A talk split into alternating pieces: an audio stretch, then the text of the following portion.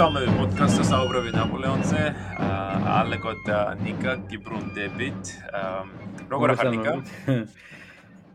არა მიშავს, მე მგონი, რა ვიცი, რამდენი თვე გავიდა ბოლო ეპიზოდიდან.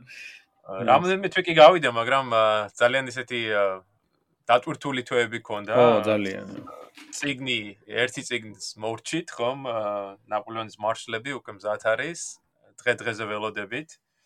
რაც ძალიან სასიხარულო არის, მე მგონი ყველასთვის, არა? შენც მორჩიდან კუტუზოვს. კუტუზოვის ბიოგრაფიას მორჩი გაუგზავნი ოქსფორდს. აა კიდევ ერთ პატარა წიგს მორჩი, ისიც წლის ბოლოს გამოვა, ასე რომ ნაყოფიერი რამოდენიმე თვე იყო. თუმცა ისიც უნდა ითქვას, რომ ჩვენი პოდკასტის ხარჯზე გამოგვივიდა ეს ყოველი. აა მაგრამ თითქმის გავიდით საფინიშო ხაზზე, ხო? დღეს ჩვენ ვისაუბრებთ ელენის ამბებს, კონძულის ამბებს, სადაც როგორც ნახეთ ჩვენ წინა პოდკასტზე ნაპოლეონი ჩავიდა ოქტომბრის შუა რიცხვებში. 17 ოქტომბერი იყო, როდესაც საკმაოდ ძლიერი ესეთი ხელვა იყო ზღვაზე, როდესაც ნაპოლეონი გადაჯდა კონძულზე და ჯერ ცირე ხანი დაყო ჯეიმსტაუნში, ეს არის კუნძულის ასე ვთქვა დედაქალაქი. და შემდეგ წავიდა, წაიყვანეს უბრალოდ ამ ბრიტანელებმა ჯეიმსტაუნიდან მოშორებით მდებარე ადგილში, რომელსაც ლონგვუდი ერწოდება, რომელიც მდებარეობს ესე დედვუდის პლატოზე.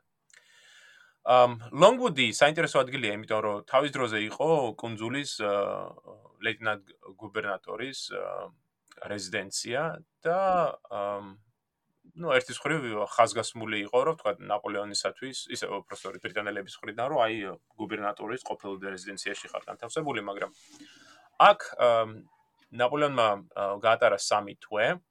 და საკმაოდ ისეთი რთული სამი თვე იყო, ვინაიდან ლონგუდი არ მდებარეობდა ესეთ კარგად კარგად გილას. ანუ რას გულისხმობ აქ? თუ რომ რომელიმე ჩვენ ჩვენთაგანი ჩავა კონძულზე. რა დიდად საეჭოა მართალ გითხრათ. აბა შარშან შარშან კონდება მის შესაძლებლობა, მაგრამ მე მგონი ვერცერთი ვერ ჩავედით, არა? არა, რა ვიცი, ერთ მე როგორც ვიცი, ხა აეროპორტის პრობლემა ხომ არის მანდ აპირებდნენ გაკეთებას და გონი არ იმუშავა, ხო? არა, მუშაობს, აეროპორტი მუშაობს. კი, იქ იყო პრობლემა ქარის თვითმფრინავის დაждომის დაждომისა ძლიერი ქარი უბერავდა, სხვა შორის აი სწორედ ერთ-ერთი პრობლემა რაც ნაპოლეონს წააწყდება ამას. მაგრამ ნუ ამის პრობლემას გადაწყვიტეს, უბრალოდ არის ნუ შორია რა. დღეს მანამდე მანამდე მახსოვს რომ კვირაში ერთხელ ერთი სატვირთო გემი დადიოდა სამხრეთ აფრიკიდან ხოლმე. ხო, და თუ ევროპიდან გინდა ჩასვლა, უნდა აგეყვანა უნდა დაგებრონა ადგილი ბრიტანეთის სამხედრო ხომალდზე, ბრიტანულზე და 4 კვირა ჭირდებოდა ბრიტანეთიდან. დღესაც ფაქტურად ესეც ხდება რა მიმოსვლა. ისე მაგარი მოგზაურობა კი გამოვიდოდა. აბა, ნუ იტყვი. თუ ჩავედით ხო კონძულზე, ჩვენ ნახავთ რომ აი ეს ჯეიმსტაუნი მდებარეობს ხეობაში. ხო, ესე ღრმა ხეობა არის კონძულზე. აა და ფაქტურად დაცული არის აი ამ ქარისგან და თავისი რაღაც მიკროკლიმატი გააჩნია. ამიტომ არის რომ აი ბრიტანელების ჩანაწერებს რო ბრიტანელ ჩანაწერებს რო გადავხედოთ აი ამ პერიოდისა ყველა საუბრობს რომ აი წმინდა ელენეს კუნძული ძალიან კარგი კლიმატი არის ძალიან კარგი ჰავა აა ველინგტონიც ჩვენ მე მგონი საუბრობდით ხო რომ ველინგტონიც ხო არის ნამყოფი 1805 წელს ინდოეთიდან რო ბრუნდებოდა და ხო, იმიტომ რომ ეს კუნძული ხომ ის იყო გზადაგზა სურსათისა და წყლის მოსამარაგებლად ჩერდებოდნენ ხოლმე ბრიტანული ისინი და შესაძლებელადაც იმ ხამდენი ხანი გემზე რო ხარ ხანგრძლივად სადღაც უნდა გადაჯდე და იყო მაგის ვარიანტი რომ სხვათა შორის იცი რა არის მე მახსენდება ერთ ერთ ერთხელ ბავშვობაში ყველაზე ადრე როცა წავიკითხე ამ კონძულის შესახებ ეს იყო ჟიულ ვერნის ფრანგი მწერლის კაპიტან გრანტის შვილები სადაც წმინდა ელენეს კონძული ნახსენები არის როდესაც 37 პარალელს მიუყვებიან აა იქ ისინი წმინდის მასთან გაივლიან, რა ქვია, სამხრეთ აფრიკას ჩაუვლიან, სადაც კაპის კონცხი არის და ახსენებენ წმინდა ელენეს კუნძულსაც, სადაც ნაპოლეონი იყო გადასახლებულიო და ახსენებენ ასევე ჰოტენტოტების რაზმს, რომელიც გადმოყვანილი იყო კაპშტატში, სამხრეთ აფრიკაში, რათა ეკონტროლებინა და დაეცვა ეს არეალი, იმიტომ რომ იმპერატორი არ გაქცეულიყო იქიდან. ზუსტად. აა ახლა რა არის იცი კონძოლი ჰავა საინტერესო არის იმ ხრივ რომ აი ჯეიმსტაუნში დაცული რო არის აი ველინგტონსაც და სხვა ბრიტანელებსაც და აი თქვა აი ჩაყვანილი ვინც ჩერდებოდა ხო გზაზე გზაში როგორც ახსენე. ყველას მიაჩნდა რომ ესეთი ზომიერი ჰავა არის. ველინგტონი იმასაც ამბობს რომ აქ ყველაზე ჯანსაღი კლიმატი რომელიც კი მინახავსო.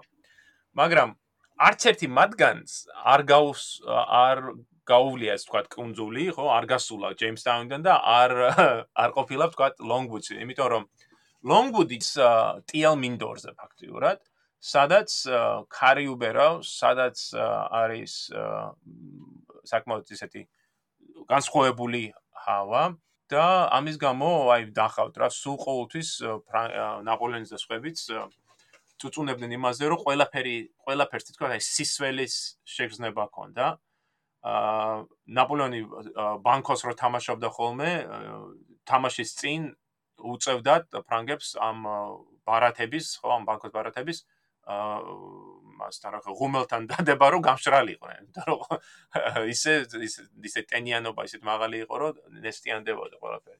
ამ კიდე პრობლემა ის არის რომ ლონგვუდი აა აა ეხლა ხის ხის ნაგებობა იყო რა თქმა უნდა. და პრობლემა ქონდა ტერმიტების, ტერმიტები პრობლემა ქონდა აა მაგალითად ვირთხების, აა არაკნების, სხვა შორის ჩემი მეგობარი არის ეხლა იქ საპატიო კონსულად მიშელ და დანკო მარტინო, გილბერ მარტინო, ცნობილი ფრანგი კონსული, ისტორიკოსი, რომელსაც ამ ბევრი დაწერა საწმინდა ელენეს კონსულზე იმის შვილი არის და ეხლაც იქ ცხოვრობს და აი ყოველთვის მაგას დღემდეც მაგას მაგის პრობლემა აქვს რომ აი როგორ შეინარჩუნონ ეს შენობა აი ამ წერებისგან ამ ჰავისგან. ამ ამ ზამთარშიც ანუ ზაფხულში ძალიან ტენიანი ამ ადგილი არის ეს ლონგვუდი და ზამთარში კიდე ამ ქარის გამო საკმაოდ ცივი ასე რომ ცვალებადი ეს პერიოდი რო არის ნაპოლეონის პრობლემა ექნება იმისათვის რომ შეინარჩუნონ ეს ზედამხედულობა ხო და გააკონტროლონ ნაპოლეონის ცხოვრები, ცხოვრება ბრიტანელებმა სხვა შორის ააშენეს სატელეგრაფო ისეთი სემაფორის სისტემა ლონგვუდთან, რომ შეუცებ გადასცენ ინფორმაცია ჯეიმს ჯეიმსტაუნში. და როგორც წესი, თქვა ეს სემაფორის სისტემა გადასცემდა ხოლმე მოკლე შეტყობინებებს, რომ აი გენერალ ბონაპარტე ან ან ბონაპარტე არის შენობაში, ან გენერალ ბონაპარტე გამიდის ასეირნად, რომ გუბერნატორს შეძლო გაიკონტროლებინა მისი აა დებარეობა. ამ სანამ ლონგვუდს შეაკეთებდნენ ასე რომ ვთქვათ, ხო, იმიტომ რომ არ იყო მზად, როცა ნაპოლეონი ჩავიდა. ასანამ შეაკეთებდნენ, რამდენიმე კვირა ნაპოლეონმა გაატარა ბრიარებში, ესე პატარა ლამაზი შენობა არის კონძულზე, რომელიც ეკუთვნოდა ბრიტანულ East Ost Indur კომპანიის ერთ-ერთ წარმომადგენელს, უილიამ ბალკომს. და აი ნაპოლეონის შემდეგში უკვე იხსენებდა, რომ წმინდა ელენეზე გატარებული ამ 5 წლიდან ყველაზე ესეთი ბედნიერი რამდენი კვირა ქონდა სწორედ აი ბალკომების ოჯახში, მან მათ სახში გატარებული.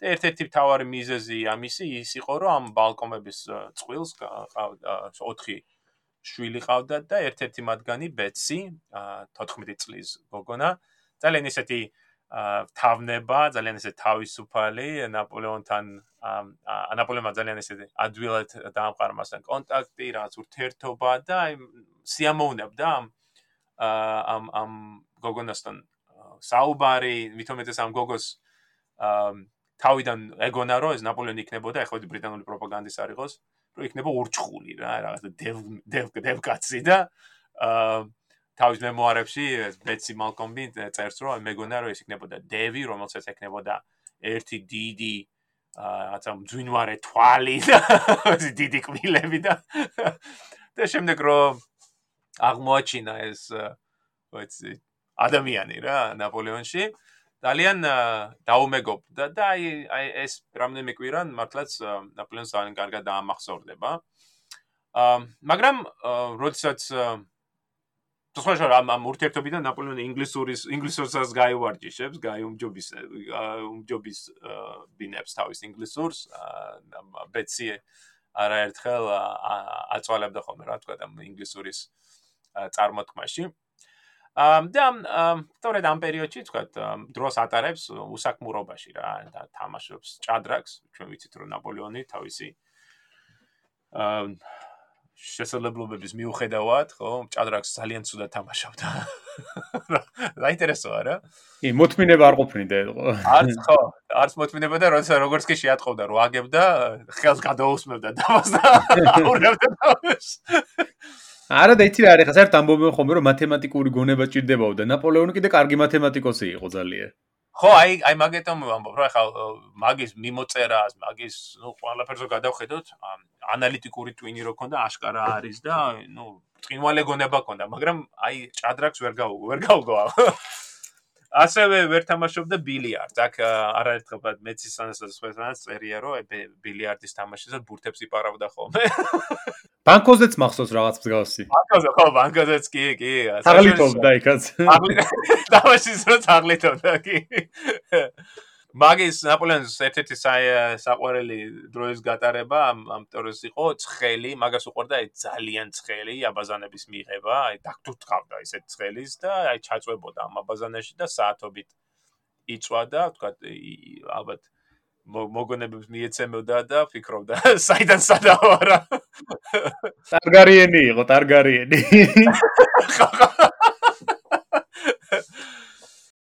რამოდენიმე კვირაში მოხდა ამ ლონგვუდის შენობის დამზადება და შესრულება ამ შეკეთების და 1815 წლის 10 დეკემბერს უკვე ნაპოლეონი გაწავიდა ბალკონებისგან და გადასახდა უკვე თვითონ ლონგვუდის შენობაში. აა ვიცით რომ პირველად როცა მივიდა და დაათვალიერა ეს შენობა ბერტრანმა მისმა თანაშემწემ ხო ანდრი ბერტრანმა უთხრა სირ კილოცავთ ახალ და სასახლეში გადასვლასო და ნაპოლეონმა ახლა მოავლო თვალი ამ შენობასო და მოტრიალდა და უთხრა ნუ უწოდებ ამ ადგილს ჩემს სასახლეს ეს იქნება ჩემი საფლავიო არ მახსოვს ჩვენ ჩვენს Facebook ვერზე დავდებით თუ არა Longwood-ის რუკა მაგრამ თუ არა აუცილებლად დავდებთ ამ ამ ეპიზოდის შემდეგ ძალიან დიდი არ არის ეს ეს შენობა. დღეს შემორჩენილი არის, რა თქმა უნდა, საკმაოდ კარგად არის შემორჩენილი. ცხოველის ახლა ხანს დამთავრდა მისი რესტავრაცია, ასე რომ ძალიან ლამაზი ბაღი აქვს, ოთახებიც ისია შენახული, როგორც ის ისინი იყვნენ 1821 წლის გაზაფხულზე, ხო? უკვე შეკეთების შემდეგ, ბრიტანულ შეკეთების შემდეგ. ამ ასე რომ შენობის მხრივ, როგორც ასეთი პრობლემა არ არის. ეს შენობაში კი არ არის პრობლემა, არამედ არის ზოგადად აი იმ პირობებში, რომელშიც ნაპოლეონი ცხოვრობს კონძულზე. ერთ-ერთი უმთავრესი პრობლემა არის ის, რომ ბრიტანულმა ხელისუფლებამ უარი განაცხადა აღიარებინა, ხო, ნაპოლეონი როგორც ხელმწიფე. თუმცა, ხო, წინა წლებში ხო კონდათ ეს ამ ამ აღიარები, მაგრამ აი ეხლა უკვე კონძულზე ყოფნისას ბრიტანული ხელისუფლება მოითხოვდა, რომ ნაპოლეონი ყოფილიყო ასე გენერალი. გენერალი ბონაპარტი, ხო? ხო. და არა, თქვა სახელმწიფო მეთავარი. თანაც ის განსაკუთრებით ის გუბერნატორი ჩამოვიდა, ჰადსონ ლოუ 1816 წელს. ხო, ის იყო განსაკუთრებით აი ამ ხრი ნაპოლეონის ალბათ ყველაზე დიდი ანტიპატია იყო რა ინგლისელებს შორის. ის კი ყოფილა მის ცხოვრებაში. ვილინგტონზე მეტად ეჯავრებოდა დარწმუნებული. ხო, ხო, მართლა მართალი ხარ, აბსოლუტურად. და ამიტომ იყო რომ თქვა ურთიერთობაში ნაპოლეონს სწორედ შენ როგორც თქვი ან უწოდებდნენ ან გენერალ ბონაპარტს ან უბრალოდ გენერალს და რაც ნაპოლეონისათვის დამამცირებელი იყო, ვინაიდან ნუ ჯერ ერთი სახელმწიფო მეტაური იყო, მეორე რო იმპერიის იმპერია გააშტა ამკაც. და აი თავიდანვე ეს ურთიერთობა ვერ დაალაგდა. უმეტეს შენ რო თქვი რომ აი ჰატსონ ლოუ რომ ჩამოვიდა ჰატსონ ლოუსთან ურთიერთობა ძალიან გამწვავდა. გარკვეულწილად იმიტომ რომ ლოუ იყო აი შინაგანად ასე დაუცველი ადამიანი ასე რომ ვთქვა. მის მას გააჩნდა უზარმაზარი შიში იმისა რომ ნაპოლეონი შეძლებდა კონძულიდან გაქცევას როგორც მან მოახერხა ელიბიდან და აი იმისათვის რომ ეს არ მომხდარიყო ლოუ ბევრად უფრო მკაცრ რეჟიმში ყავდა ლოუს ნაპოლეონი ვიდრე თვითონ ბრიტანულ ხელისუფლებას სურდა ეს ანუ მაგალითად აა ხო აკონტროლებდნენ ნაპოლეონის ყოველ ნაბიჯს არაძლებდნენ მის მას თავისუფლად მიმოსვლის მიმოსვლის საშუალებას კონსულზე თუმცა თავის თავიდან ესეთი აღთქმა ჰქონდა ბრიტანელებს. არ გააჩნდა თქვა ნაპოლეონს არ ჰქონდა მაგალითად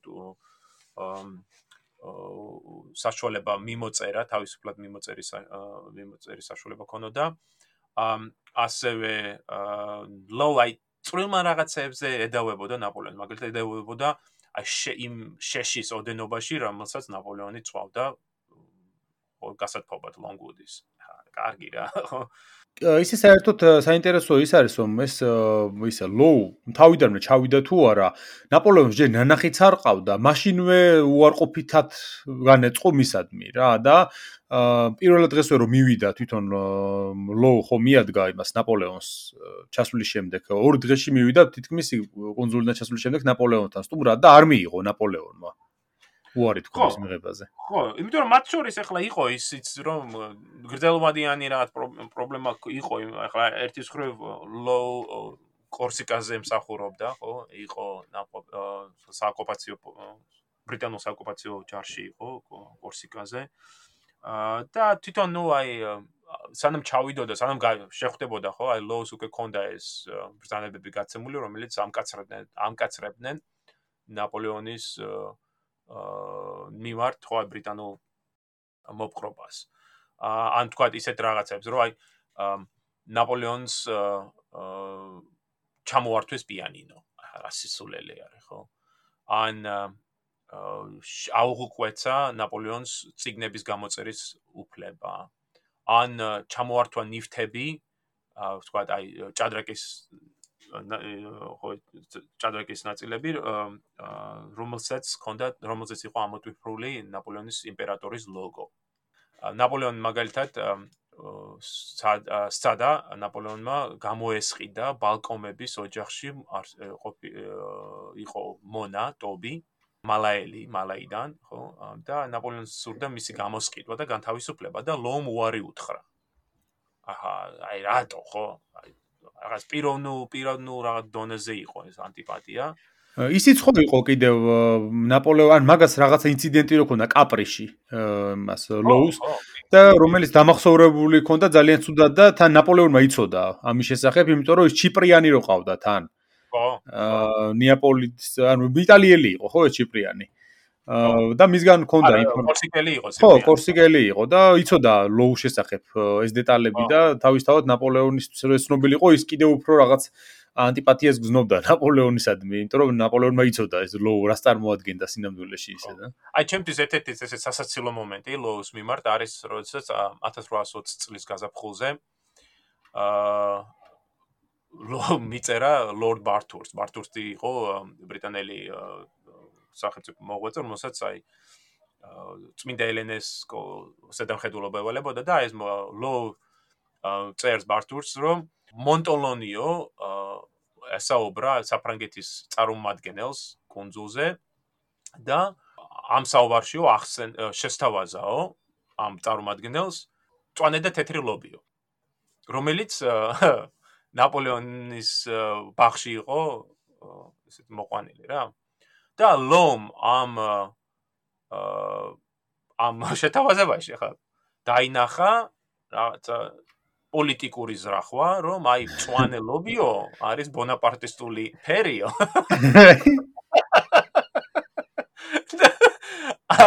არ შეიძლებაო არ შეიძლებაო ამის გაკეთება და ეს ლობიო ჩამოვარდეს აი აბსურდია რა რო და წვანი რატო იყო ბონაპარტის თული თან აი ხა მის ბევრ ტანის ამოს ნაპოლეონის ტანი ხო ის კი ეცა ხოლმე მწვანე ის რო ქონდა მუნდირი ხო მაგრამ რა ვიცი. ლოს უნდა შევეკითხო აბა ხა ლუჯინობი არ არსებობდა. აა ნუ მოკლედ ეს ურთიერთობა ძალიან ნელ-ნელა მწვავდება ერთ-ერთი პრობლემა რომელიც ნაპოლეონს გააჩნია ლოუსთან არის ფული.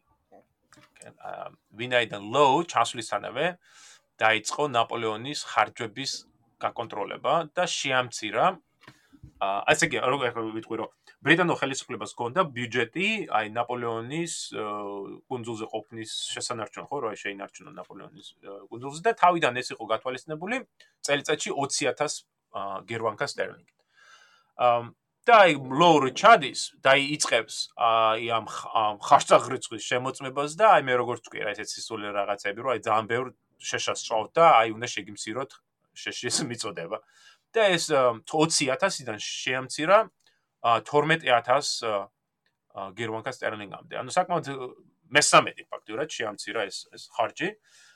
და ნაპოლეონსაც ეს იყო მართლაც დამამცირებელი, ვინაიდან ბევრ რაღაცას ყიდვან ან შეჭმა დალევა აღარ შეიძლება მაგალითად. სხვა რომ არაფერი ვთქვა აა ღვინის ღვინის მაკი უყურთ ფრანგებს და აა ოკეი აღარ შეიძლება ისევე შემოტანა ღვინის აა და ახლა გავიხსენოთ რომ ახლა აა ღვინო და ვთქვა ლუდი იყო ერთ-ერთი მთავრესი საშუალება ადამიანისთვის დასალევად იმ პირობებში, როდესაც წყალი არ იყო ყოველთვის, ხო, და ესეც უსაფრთხო. აა და აა ნუ მოკლედ აი ეს ეს ურთიერთობა გამწვავებული ამ ფულის გამო.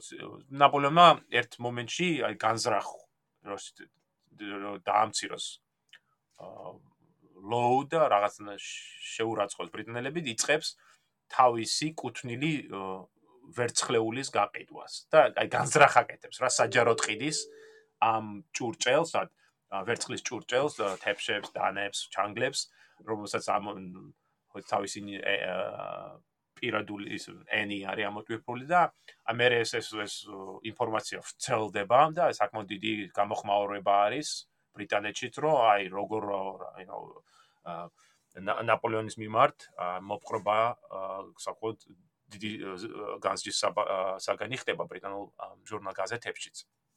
მაგრამ საბოლოოდ ვერაფერი ვერ შეიცვალა. ამ ნაპოლეონ როგორც კი ლოუს კონდა ეს მანია, ან რაღაც შიში, რომ ნაპოლეონი გაიქცევა და ამის გამო ამ ლოუს ბრძანებით, ლონგვუდის ირგვლივ დღის განმავლობაში ყოველ მუდამ იყო განლაგებული 125 ჯარისკაცი, ანუ დღის განმავლობაში და ღამით 72 კაცი იყო მუდამ აა საჯარაჯოზე და რა თქმა უნდა, კუნძულის ირგვლივ იყო მუდმივი საზღვაო მეთვალყურეობა ერთი დიდი სამხედრო ხომალდი და რამოდენიმე დამხმარე დაცურავდნენ კუნძულის ირგვლივ, რათა დაეცვათ ეს კუნძული და არ მოხდარიყო თქვა ნაპოლეონის გაქცევა. ანუ ნუ ვიცი ჩვენ არის ძალიან საინტერესო კვლევა არგენტინელი ისტორიკოსის ოკამპოსი, რომელიც აი მოც შეისწავლა სხვა სხვა ცდელობა დაეხსნათ ნაპოლეონი. და მართლაც იყო სერიოზული მსჯელობა იყო ამაზე, რომ დაიქირავებინათ ან მეკობრეები, თქვა და ჩვენს ლუიზიანაშიც კი იყვნენ ლაფიტი ძმები, რომელთანაც იყო საუბარი, რომ აი მეკობრეები იყვნენ და აი წასულიყვნენ და დაიხსნათ ნაპოლეონი, ან იყო საუბარი აიშენებინათ წყალქვეშან ნავი და ნავით ეხსნათ ნაპოლეონი. იყო თქვა ცდელობა სხვა სხვანაირად მიეწოდებინათ ინფორმაცია ნაპოლეონთან მაგრამ ის უნდა ვთქვა რომ ნაპოლეონმა უარი განაცხადა ნებისმიერ ცდელობაზე რომ გაინთავისუფლებოდ იგი ვინაიდან მისთვის ეს იქნებოდა აი ნუ დამამცირებელი მომენტი ხო? ეს პოლიტიკურად აა პოლიტიკური თვითკვლელობის ამბავი იქნებოდა რომ ეს უბრალოდ გაქცეულიყო ხო ეს შუაღამეს აა აი ამ კონძული, აი სად უნდა წასულიყო, ხო? ამიტომ არის რომ მან წმინდა ელენეს კონცერტზე გაატარა თითქმის 6 წელი. და აი ეს 6 წელი მან მოანდომა სულ სხვანაირ ბრძოლას. ხო, ბრძოლას ისტორიული მეხსიერებისათვის. აი ბრძოლას იმისათვის თუ როგორ დაიმახსოვრებენ მას, როგორ გაიხსენებენ. კი, ნაპოლეონის ლეგენდა ამ დროს იქმნება ფაქტობრივად. აი ზუსტად, ხო, ხო და აი ისტორია აი ეს ისტორიული მიდგომა ნაპოლეონს ახასიათებს დიდი ხნის განმავლობაში 1000 ჯერ კიდევ 1802 წელს აა ის საუბრობს, რომ თავარი არის მომავალი თაობები რა სიტყვიან შენზე. და სწორედ ამიტომ არის რომ აი წმინდა ელენეს კუნძულზე ნაპოლეონი კარნახობს თავის მემუარებს აა რომელიც ემსახურება კონკრეტულ მიზანს და ეს არის ხო ისტორიის ახლებ ახლებურად დანახვა, თავისი როლის ახლებურად შეფასება და თავისი თავის აი ესეთ გმირად წარმოჩენას, ხო? და სწორედ ჩვენ არაერთხელ გვითქვამს, ხო და დაგვინახავს მე მგონი ამ პოდკასტში რომ ისტორიულ რეალობა ხშირად ემსხვერპლება, ხო, აი ამ ისტორიულ მეხსიერების შექმნის პროცესს. და ამ ამაში დიდ როლს ასრულებს როგორც საზოგადოებების კოლექტიური ისტორიული მეხსიერება, ასევე კონკრეტული პიროვნებების ხო ზატყოფნა აა გადაწერონ ისტორიული ფაქტები და აი რაღაც ახალი რეალობა შექმნან მათთვის ასურველი. და აი ნაპოლეონი არის ამის საუკეთესო ნიმუში. აა ვინაიდან წმინდა ელენეს კონძულზე ყოფნისას აა მას ესმის, რომ ომი წაგებული აქვს, ხო, მან იცის, რომ იმპერია დაიმსხრა, იცის, რომ საფრანგეთი დამარცხებულია, მაგრამ მას ასევე ესმის კარგად, ვიცი ჩვენ არ უკვე რა ბოლო 5 წელია. აა, სხვა შორის ჩვენ პოდკასტი გრძელდება იმ დიხანი, რაც ნავო იყო წმინდა ელენეს კონსოლზე, ხო? აა და მას კარგად ესმის. ნიკა, ხო, მა, ჩემი არი წერება, იცი, ჩემი ხმა არი წერება აქ. ხა დავაკვირ. შენი შენი და ჩემი არა.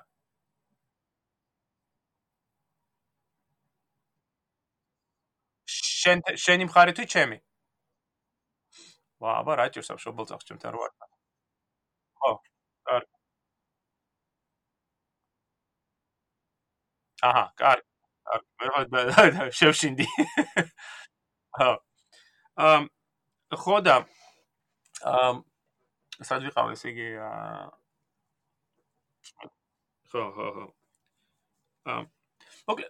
ხო ნაპოლეონს ესმის რომ 1815 წელს, ხო, ამ ომების დასრულების შემდეგ ევროპაში სუფევს რთული პოლიტიკური, ეკონომიკური, სოციალური ვითარება და თვითონაც ახლა პირაპირ პიროვნულ გამოცდილებებიდან ხო?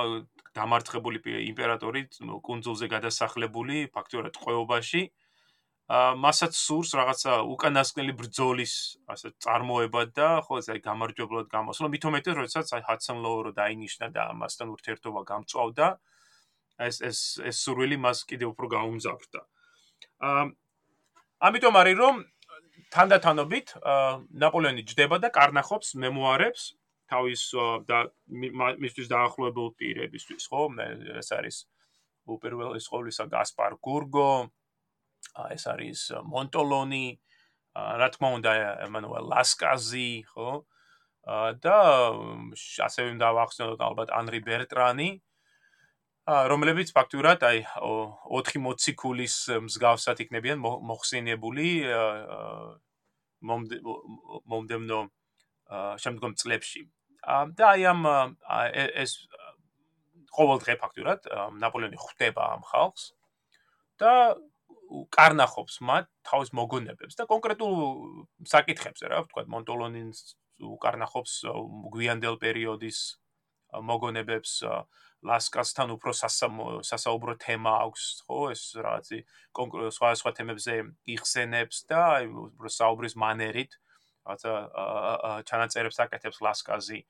ბერტრანი აწარმოებს დღიურს, რომელშიც ჩანიშნული აქვს ნაპოლეონის ყოველდღიური ცხოვრების, საუბრის, ხო, ზირითადი მომენტები. და ასე შემდეგ.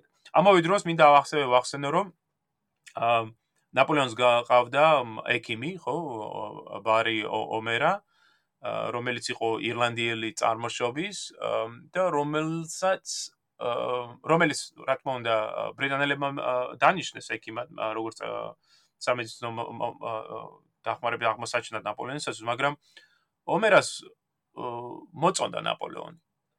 და ამის გამო ურთიერთობა გაუმწვავდა ჰატსონ ლოუსთან ლოუმ საბოლოოდ აიძულა ომერა წასულიყო კუნძულიდან და უკვე სამშობლოში დაბრუნების შემდეგ ომერამ დაწერა ძალიან საინტერესო ორტომეული მოგონებები რომელშიც ნაპოლეონს წარმოაჩენს როგორც გმირად და რომელშიც კიცხავს ბრიტანულ ხელისუფლებას განსაკუთრებით. ჰატსონ ლოუს და აი სწორედ ომერას ჩანაწერები ხო წმინდა ელენეს კუნძულიდან. პირველ შეიძლება ითქვას რომ ერთ-ერთი პირველი ერთ-ერთი პირველი ესეთი საძირკველ საძირკველს უყრის, ხო, პირველ საძირკველს უყრის ნაპოლეონის ლეგენდას, ვინაიდან ქნის ესეთ შეხედულებას, რომ ნაპოლეონი არის აა პრომეთესავით, ხო, მიჯაჭული ამ კლდეს ოკეანის, ხო, შუა ოკეანეში და მას ტანჯავენ იმისათვის, რომ იმის გამო, რომ მას სურდა რაღაცა განსხვავებული მომავლის შექმნა.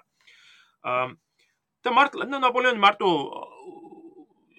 უფრო უფრო კიდე უფრო მეტად აძლიერებს აი ამ აქცენტს, აი ამ ამ ამ სწორედ აი ამ საუბარს რა, რომ ის არის ლიბერალიზმის გმირი, სწორედ თავის მოგონებებში. და რა თქმა უნდა მისი ეს ნარატივი უბრალოდ უფრო მიმზიდველი ხდება იმის გათვალისწინებით თუ რა ხდება ევროპაში, ხო? ევროპაში არის კონსერვატიული რეაქცია. აა და ბევრ თანამედროვეებისათვის, განსაკუთრებით საფრანგეთში, ხო, დამარცხებულ ქვეყანაში, აი ეს ყოფილი დიდების აღზევ მოგონებები, ხო, სურვილი და აენახა საფრანგეთი აღორძინებული. ყოველივე ეს ქმნის ისეთ რეალობა, რომელშიც ნაპოლეონი ძალიან მიმზიდველი პიროვნება ხდება. ანუ აი საინტერესო არის, რომ ადამიანის ან საზოგადოების უნარი დაივიწყოს, ძალიან მალე დაივიწყოს царსულის უარყოფითი მხარე და მხოლოდ დაიმახსოვროს დადებითი მხარე რა. ახლა ნაპოლეონის იმპერიის უარყოფით მხარეებზე ჩვენ ვისაუბრეთ. მაგრამ რამოდენიმე წელიწადში უკვე აა ნაპოლეონი ეს აღარ ახსოვს ძალიან ბევრ ადამიანს და აქცევენ სწორედ ყურადღებას იმას, რომ აი ნაპოლეონი იყო სხარტი მოაზროვნე, ქარიზმატული, ხო, აი რეალისტი მართველი, რომლის დროსაც საფრანგეთი ზეობდა მთელს ევროპაში და ყველას ეშინოდა. ხო ფრანგების თანაც ვენის კონგრესის შემდეგ ისე დაიჩაგრა მაინც ახლა კი ტალერანმა შეძლო ასე თუ ისე რაღაც პოზიციების შენარჩუნება მაგრამ საფრანგეთი მაინც იმასთან შედარებით რაც ნაპოლეონის დროს იყო ტერიტორიული თვალსაჩინო იქნებოდა ეს კონტრიბუციების გადახდა პარიზის დაცემა იმის შემდეგ და ძალიან ესეთი განწყობა გაჩნდა რა თქმა უნდა რომ სად ახლა აუსტერლიცის შემდეგ საფრანგეთს არ გაიხსენებს ადამიანი მართლაც. მით უმეტეს ისიც უნდა აღვნიშნოთ აქ რომ ნაპოლეონზე შეიქმნა ეს შტაბეშტილება და ნაპოლეონმა ხელი შეუწყო ამას რომ სწორედ ამ კადამიანმა შეძლო თავისი ნიჭით და გამჭრიახობით რევოლუციური იდეალების შენახვა რომ აი მონოპოლის კონსოლიდაცია რომ სწორედ ნაპოლეონმა შეძლო რადიკალიზმის შებოჭვა წესრიგის და კანონიერების აღდგენა. ამ ჩვენ ვიცით დღეს რომ ეს არის შერჩევითი კოლექტიური მეხსიერება ხო? მაგრამ თავის დროზე ასწორედ ამ შერჩევითმა კოლექტიურ მეხსიერებამ საფუძველი ჩაუყარა ამ ნაპოლეონის ლეგენდას რომელიც ჩამოყალიბდა როგორც ისტორიული ფაქტებისა და ფანტაზიის ძალიან ძლიერი ნაზავი რომლის გაბათილება შეუძლებელი გახდა და დღემდეც ხო ძვინვარებს ლეგენდა ბევრ შეიძლება ითქვას ახლა მე პირველი ვარ ვაღიარო რომ მეც ნაპოლეონთან ხო თქვა ურთიერთობის ასე დამყარებაში მოხდა სწორედ ლეგენდის მეშვეობით. ალბათ ყველა ჩვენგანში ვის ნაპოლეონის დაინტერესდა თავიდან ამ ლეგენდა მოახდინა ძალიან დიდი ზეგავლენა. ნამდვილად. სხვადასხვა მემუარებში ნაპოლეონი არაერთხელ ავლებდა პარალელს იესო ქრისტესთან. ამ შედარებაში წმინდა ელენეს კუნძული ახალ ჯვარცმად გვევლინება, ხოლო ნაპოლეონი კი ახალ მესიად, რომელიც თავისუფლებისთვის საბოლოოდ თავით შეწირა ამ ბრძოლას. წმინდა ელენეს კუნძულზე ნაპოლეონმა თავისი מחარებლებით შექმნა, ეს იყვნენ ბარი ომერა, ჩარლ ტრისტან დე მონტოლონი, გასპარ გურგო და რაც თავი ემანუელ ლასკაზი, რომლებმაც თავისი ნაშრომებით გაავრცელეს ნაპოლეონის მითი. ამ ჩანაწერებში მკითხველს შეეგებება ნაპოლეონის შემდეგი სიტყვებით: მე გადავარჩინე რევოლუცია, რომელიც სულს ძლივს ღაფავდა. მე ჩამორეცხე ყველა მისი დანაშაული და განვადიდე იგი მთელი ევროპის თვალში. სწორედ მე განვავრცე საფრანგეთსა და ევროპაში ახალი იდეები და მათი წინსვლა ახლა უკვე შეუქცევადია. ნაპოლეონის ლეგენდა ძალიან დიდი როლი შეასრულა იმპერატორის რეაბილიტაციაში და შემდგომ პოპულარიზაციაში. ну გარდაცვალებიდან სულ მცირე ხანში დაიწყებას მიეცა ნაპოლეონის მოღვაწეობის ნაკლებად სახარბიელო მხარეები, საპოლიციო სახელმწიფო შექმნა, დაპყრობითი ომები, რეპრესიები, უფლებებისა და თავისუფლებების აღკვეთა. ამის ნაცვლად კოლექტიურ მეხსიერებაში ნაპოლეონი უფრო გვევლინება რევოლუციური ცვლილებების სიმბოლოდ, ლიბერალური იდეალებისთვის ტანჯულ გმირად. სწორედ ამ ცვლილებების წყალობით გადაიქცევა ბონაპარტიზმი პოლიტიკურ მოვლენად და თანდათანობით მოიკრებს ზალას და ხელშეუწყობს 1848 წელს ნაპოლეონის მიშვილს ლუი ნაპოლეონს, რათა მოიპოვოს ზალაუფლება, ხოლო შემდგომში არჩევიდან 3 წლის თავზე ლუი ნაპოლეონმა სწორედ დაამხო საფრანგეთის მეორე რესპუბლიკა და აღადგინა იმპერია, რომელიც ისტორიაში ცნობილია საფრანგეთის მეორე იმპერიის სახელით. ნაპოლეონი როგორც ვიცით, კონძულზე უკვე ყოფნისას, გასაკეთებელი მესამე წლის მიწურულს შეუძლოდ გრძნობდა თავს. თავდაპირველად აბრალებდნენ რომ ცუდი ჰავის ბრალი არის, ცუდი კვების, იმასაც ამბობდნენ რომ აი ჰატსონ ლოუს მიერ ხო შებოჭვის და შეზღუდვების გამო ხო იმდენად ნაპოლეონი ხო ვეღარ დადიოდა კონძულზე, უბრალოდ შეედლო, მაგრამ არ სურდა ვინაიდან ბრიტანელები დაძდებდნენ კუჩი. Ну მოკლედ ვიცით რომ ცუდად გრძნობდა თავს აა სწორედ ამ დროს არის რომ ჩამოდის ხო კორსიკელი ფრანგი ესე ეკიმი ანტომარკი ხო რომელიც მოჯახმა გამოუგზავნა და რომელიც გარკვეულწილად საბედისწერო იყო მისი ჩამოსვლა ვინაიდან ანტომარკი არ იყო მდინად განსწავლული ეკიმი საინტერესო არის რომ მაინც ანტომარკი გაგზავნეს აა მაგრამ ნუ მოკლედ ნაპოლეონი შეუძლოდ გწნობდა თავს. რამ გამოიწვია ეს ავანტყოფობა? მე მგონი ბოლო ერთი 60-70 წლის განმავლობაში ძალიან აქტიურად მუსირებს ეს შეხედულება, რომ ნაპოლეონს წამლავდნენ, ხო?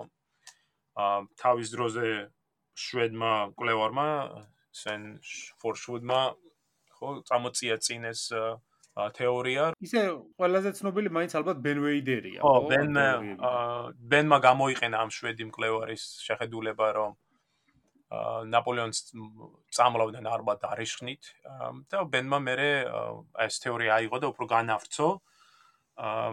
ჩაატარა ხო სწორედ ნუ ფული არ უჭირდა ბენ ვეიდერს და მან ჩაატარა კვლევები ნაპოლეონის თმებზე, ხო თმების ღერებზე, რომელიც შემორჩენილია ჯერ კიდევ.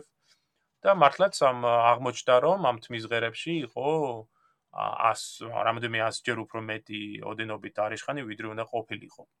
ამის გამო ბენვეიდერმა გამოსცა რამ არაერთი ციგნი რომელშიც საუბრობდა ნაპოლეონის მოწამვლაზე, ანუ განზრახ ყლელობაზე, რომელიც მისი აზრით აა მისი აზრით იქნა მომზადებული ბურბონთა დაკვეთით და ეგ კი არა ვეიდერი იმასაც ვიძახდა რომ კულელი იყო ხო ჟანტრესთან მონტოლონი.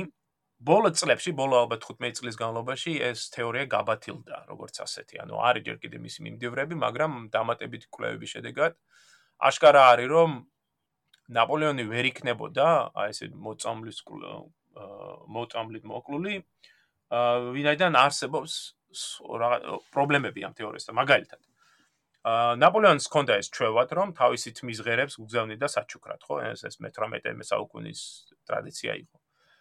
და ეს არ მარტო წმინდი ელე წმინდა ელენეს კონძულზე ხდებოდა, არამედ წინა წლებშიც და აი მაგალითად 1805-6-7 წლებშიც, როცა ეს გაგზავნილ თმების ღერებზე მოხდა კვლევები, ხო? აა იქაც აღმოჩნდა საკმაოდ დიდი ოდენობით არიშხანი, ანუ ის არ არის რომ აი ეს ოდენობა ხო ეს ამ მომწავლელი ნიფტიერების არ იყო მხოლოდ წმინდა ელენეს კუნძულზე არამედ წინა წლებშიც იყო ხა. მაშინ და ვისაუბროთ იმაზე რომ ნაპოლეონს წამლავდნენ რამე 16 წლის განმავლობაში ხო და იმპერიის ზეობის დროს. არა ნუ აშკარა არის რომ ის ღებულობდა რაღაც გზით ალბათ სასმელით ალბათ ღვინით მე არ არ მჯერა იმისი რომ ნაპოლეონი იყო მოკლული. ახლა ძალიან მიჭირს ამის დაჯერების, თქვა არსებული ფაქტების გათვალისწინებით. ამიტომ მე ვემხრობი როგორც ისტორიკოსთა უმეტესობას იმას რომ ნაპოლეონს ნაპოლეონი გარდაიცვალა კიბოთი. ამას ხელს უწყობს ისიც, რომ როგორც ვიცი, მის ოჯახს გააჩნდა, ხო, ეს ადამიანები. მამამისაც ჰქონდა, ხო, მამამის მის ძმებს აა თვალშურის დებსაც ჰქონდა პრობლემა კიბოს. ანუ ეს ეს უფრო გენეტიკურ გენეტიკურ პრობლემაზე არის საუბარი, მით უმეტეს როგორც შეთქვი მამამისი და მის ორ ძმას, სწორედ კიუჭის კიბო დააჭდა და იმსხვრობლა კიდევაც არა. მაგრამ ნაპოლეონის გარდაცვალება, თქვა 1821 წლის მაისში, არის სწორემ არასწორი მკურნალობის შედეგი და აი აქ არის უკვე ექიმების ბრალი. ვინაიდან თუ ჩვენ გადავხედავ და ანრი ბერტრანის ჩანაწერები ძალიან საინტერესო ამ ხრევინდაიდან ზედმიწევნით აქვს აღწერილი რა კურნალობა ქონდა ჩატარებული და ასევე საინტერესოა კიდე ლუი მარშანის ჩანაწერები სხვა შორის მისი ციგნი აგერ მიდევს თაროზე. მარშანის ჩანაწერები გამოქვეყნდა გვიან და სწორედ მარშანის მარშანი იყო მოსამსახურე ნაპოლეონის პირადი მოსამსახურე და ძალიან საინტერესო საიდუმლო დღიური ქონდა რომელშიც აღწერდა ასევე დღიური მკურნალობის დღიური ცხოვრების დეტალებს. და იმ ბერტრანის და მარშანის ჩანაწერები ნაშკარა ხდება რომ ექიმების ბრალი იყო ის რომ ნაპოლეონი ესე მოულოდნელ გარკვეულწილად მოულოდნელად გაუარესდა მისი ჯანმრთელობა და გარდაიცვალა ვინაიდან მას აძლევდნენ არასწორ წამლებს და რასტავრია წამლების უზარმაზარ დოზებს რომლებიც არ უნდა მიეცათ ეს არის განსაკუთრებით მნიშვნელოვანი აპრილის ბოლოს მაისის დასაწყისში როდესაც ნაპოლეონის ჯანმრთელობა უარესდება და აი ამ ამ გომარებიდან გამოსავსვლელად ამ ექიმები მათ შორის ანტომარკი ო ნაპოლეონს აძლევს დიდი ოდენობით წამალს დიდი დოზით რაც პირიქით აუარესებს მის მდგომარეობას და 1821 წლის 5 მაისს ნაპოლეონი გარდაიცვლება ამ შორეულ კონძულზე. სხვათა შორის აი ეს ამბავი ნაპოლეონის გარდაცვალებისა და თუ როგორი ზეგავლენა შეეძლო მოეხდინა ამას და ამის ნახვა ზოგადად ფრანგი ჯარისკაცისთვის, რომელიც წლების მანძილზე, 10 წლეულობის მანძილზე ემსახურებოდა იმპერატორს და შესწრებული იყო მისი დიდების პერიოდს, აი ძალიან კარგად აქვს აღწერილი არტურ კონან დოილს თავის ძალიან კარგ კრებულში ბრიგადირ ჟერარის თავგადასავალი. რომლის მოერთეთ ნაწილში, უკანა ბოლო მოთხრობაში რეალურად ბრიგადირის უკანასკნელი თავგადასავალი აღწერს როგორ მოხდა, წაიყვანეს ბრიგადირი ფრანგებმა, თავიდან არ გააცნეს გეგმა, რომ ნაპოლეონის გამოხსნა უნდა და წმინდა ელენეს კონძულიდან, ხოლო შემდეგ როცა მივიდნენ კონძულზე, ბრიგადირი თავის ხალხთან ერთად ჟერარი გადავიდა კონძულზე და მიდის ამ სახლისკენ და ასე აღწერს ამას ყველაფერს არტო კონან დოილი. ველური თხემი, გათელილი ბილიკი კლდეზე მიკლაკნებოდა და გზას ადვილად მივიკვლევდი. თავისთავად ცხადია, წმინდა ელენეს კონძულზე ყველა გზა იმპერატორისკენ მიდიოდა. ჭიშკარს მიუახლოვდი, დარაჯი არ შემხვედრია და შეუფერხებლად შევედი. კიდევ ერთი ჭიშკარი გავიარე, არც იქ შემხვედრია ვინმე. გაუცებული ფიქრობდი, სად უნდა გამქრალიყო დაცვა. ცაცა მიზანს მივახწევდი, სულ ახლოს ჩანდა განათებული ფანჯარა. სიბნელე ვიფარე და მიმოვიხედე, მაგრამ ვერავინ შევნიშნე. მაშინ სახს მიუახლოვდი და შევათვალიერე. გრძელი დაბალი აივნიანი სახლი იყო. ბაღში ბილიკზე კაცი სეირნობდა. მივეპარე და დავაკვირდი, იქნებ ეს წეული ჰატსონ ლოუ იყო. რა ბედნიერი ვიქნებოდი, მხოლოდ იმპერატორი კი არ მეხსნა, შურიც მეძია მის წვალებლებზე. არ გამიმართლა, ინგლისელი გუშაგი შემჭა ხელში. მე უფრო ახლოს მივიპარე. ის კი განათებულ ფანჯარასთან შედგა და მაშინ კი შევათვალიერე. და რა ჯიკი არა მღდელი აღმოჩნდა. ამან გამოუცოს. შუაღამისას აქ რა უნდა და მღდელს. ნეტა ფრანგი იყო თუ ინგლისელი. თუ აქ ცხოვრობდა შემეძლო დახმარება მეთხოვა. მაგრამ თუ ინგლისელი აღმოჩნდებოდა, მაშინ ჩემი გეგმა ჩაიფუშებოდა. ცოტაც კიდევ მიუახლოვდი, მაგრამ ამასობაში ის ფანჯარას მოსცილდა და სახლში შევიდა. წელში მოხრილი სირბილით მიუახლოვდი განათებულ ფანჯარას. გავიმართე და ოთახში შევედი. იმპერატორი კუბოში ესვენა. ეს ჩემო მეგობრებო, ტყვიანაკრავივით იქვე ჩავიკეცე. არც კი ვიცი როგორ გადავიტანე ეს დარტყმა და მაინც ალბათ ნახევარი საათის შემდეგ ბარბაცით წამოვდექი. მთელი სხეული მიკანკალებდა. კბილს კბილზე ვაცემინებდი და შეშლილი თვალებით უცქერდი სიკვდილის ამ საუფლოს. ოთახის შუაგულში კუბოში იწვა მშვიდი მიწიერ სრულითაგან გათავისუფლებული დიდებული იმპერატორი. სახის ნაკვთებში ის დაფარული ძალა იკითხებოდა ოდესღაც საბძოლულად რომ გვინთებდა გულს. ფერმკრთალ ტუჩებზე ღიმილი შეყინოდა. თვალები უდნავ გახელილი ჰქონდა და მომეჩვენა თითქოს მე მიცქერდა. ახ ახლა უფრო მსუკანი ჩანდა ვიდრე იქ ვატერლოოზე. სახის გამომეტყოლებაც ბევრად რბილი ქონდა. ასეთი არასოდეს მენახა. კუბოს ორივე მხარეს სანთელი ენთო, სწორედ ამ სანთლების შუქი გვიხმობდა შუქურასავით. ისინი მინათებდნენ გზას და მათ ვესალმებოდი იმედის ვარსკვლავად. ბუნდოვნად ხედავდი ოთახში ხალხი იყო. ყოველას მუხლი მოეყარა. მისი მწირი სასახლის კარი ემშვიდობებოდა. ემშვიდობებოდნენ ისინი, ვინც მისი ხვედრი გაინაწილეს. აქ იყო ბერტრანი, ცოლითურთ, მღდელი და მონტოლონი. მეც ვილოცებდი მისთვის, მაგრამ გული და თუჩები გამქვავებოდა და ლოცვას ვერ ვახერხებდი. უკვე წასვლის დრო იყო, მაგრამ ასე ვერ წავიდოდი, რაღაც უნდა გამეკეთებინა. აღარ მადარდებდა ვინმე დამინახავდა თუ არა, მთელი სხეული წამოვიმართე, ჯარისკაცულად გავიჭიმე ჩემი მიცვლილი იმპერატორის წინაშე. ქუსლები ერთმანეთს შემოვკარი და გამოსათხოვარი მხედრული სალამი მივაგე. შემდეგ შეუბრუნდი და წყუდიათში შევაბიჯე. თვალთაგან არ მშორდებოდა ფერმკთალი ღიმილში ჩაყინული ტუჩები და გაქვავებული ნაცრისფერი თვალებიო. ასე აღწერს არტურ კონან დოილი უკანასკენ და ნახვას ჯარისკაცისაგან თავისი იმპერატორისა, რომელსაც მონამდე ემსახურებოდა ბრძოლებში. საინტერესო ნაწარმოებია ზოგადად მე ურჩევ ყველა ჩვენ მსმენელსაც რომ ვისაც არ აქვს საკითხული ქართულად არის ნათარგმნი არტურ კონან დოილის ბრიგადირ ჟერარის თავგადასავალი და აუცილებლად წაიკითხეთ იმიტომ რომ ბევრი ამბავი იქ აღებული არის ნაპოლეონის პერიოდის ჯარისკაცების და განსაკუთრებით ცნობილი ოფიცრის მემუარებიდან ეს რომელი ის იყო? ბარონ მარბო არა? და სხვა შორის ნაპოლეონმა თავის ანდერტში მარბოს დაუტოვა ფული რა რაინაიდან მისი მემუარები უკვე იყო ახთმული როგორც აი ფრანცაფრანგეთის დიდების ერთ-ერთი ამსახველი მე ხო ნაპოლეონი დაკრძალეს სრული სამხედრო პატივით აა წმინდა ელენეს კონძულზე ტორბეტის პატარა ნაკადულთან და პატარა ლადალიან ლამაზი ადგილი არის ხეებით შემოსილი ლონგბუთან არცის შორს. ის იყო მას ჩააცვეს მისი საყვარელი მწვანე ხო სამხედრო ტანის ამოსი იმპერიული გვარდიის ცხენოსანი ეგერთა პოლკოვნიკის ტანის ამოსი და მისი კუბო იყო ასე გადატანილი იქნა ბრიტანელ გრენადერების მიერ მე 66 და მე20 პოლკების გრენადერების მიერ და მას უკან მიყვებოდნენ როგორც ბრიტანელი ჩინოსნები, ასევე აი საფრანგი აი ნაპოლეონის დაახლოებით პირები. როდესაც მივიდნენ დასაფლავების ადგილას, ბრიტანელებმა სამჯერ გაისროლეს ქვემეხი და შემდეგ უკვე ნაპოლეონის ცხედარი მიაბარეს მიწას. საინტერესო ის არის, რომ აი ამ უკანასკნელ მომენტშიც კი არის ბრძოლა ხო ნაპოლეონის აა ნაპოლეონისათვის, ასე რომ ესე რომ ვთქვათ.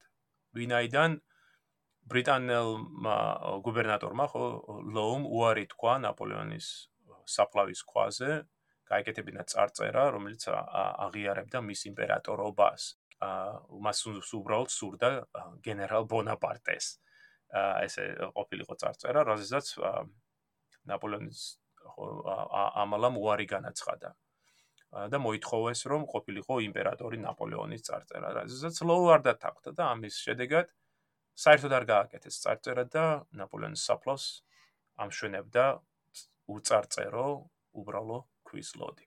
მოდი აქ გავჩერდეთ და უკვე ნაპოლეონის დაბრუნებაზე ხო უკა მეორე მოსვლაზე ვისაუბროთ შემდეგ პოდკასტს და ასევე ნაპოლეონის კოლორიტის დაბრუნებაზეც პარიზში იმიტომ რომ რაღაც პერიოდის შემდეგ ძალიან პოპულარული გახდა ეს თემა ისევ და საბოლოოდ მეორე იმპერიაშიც კი იჩინა თავი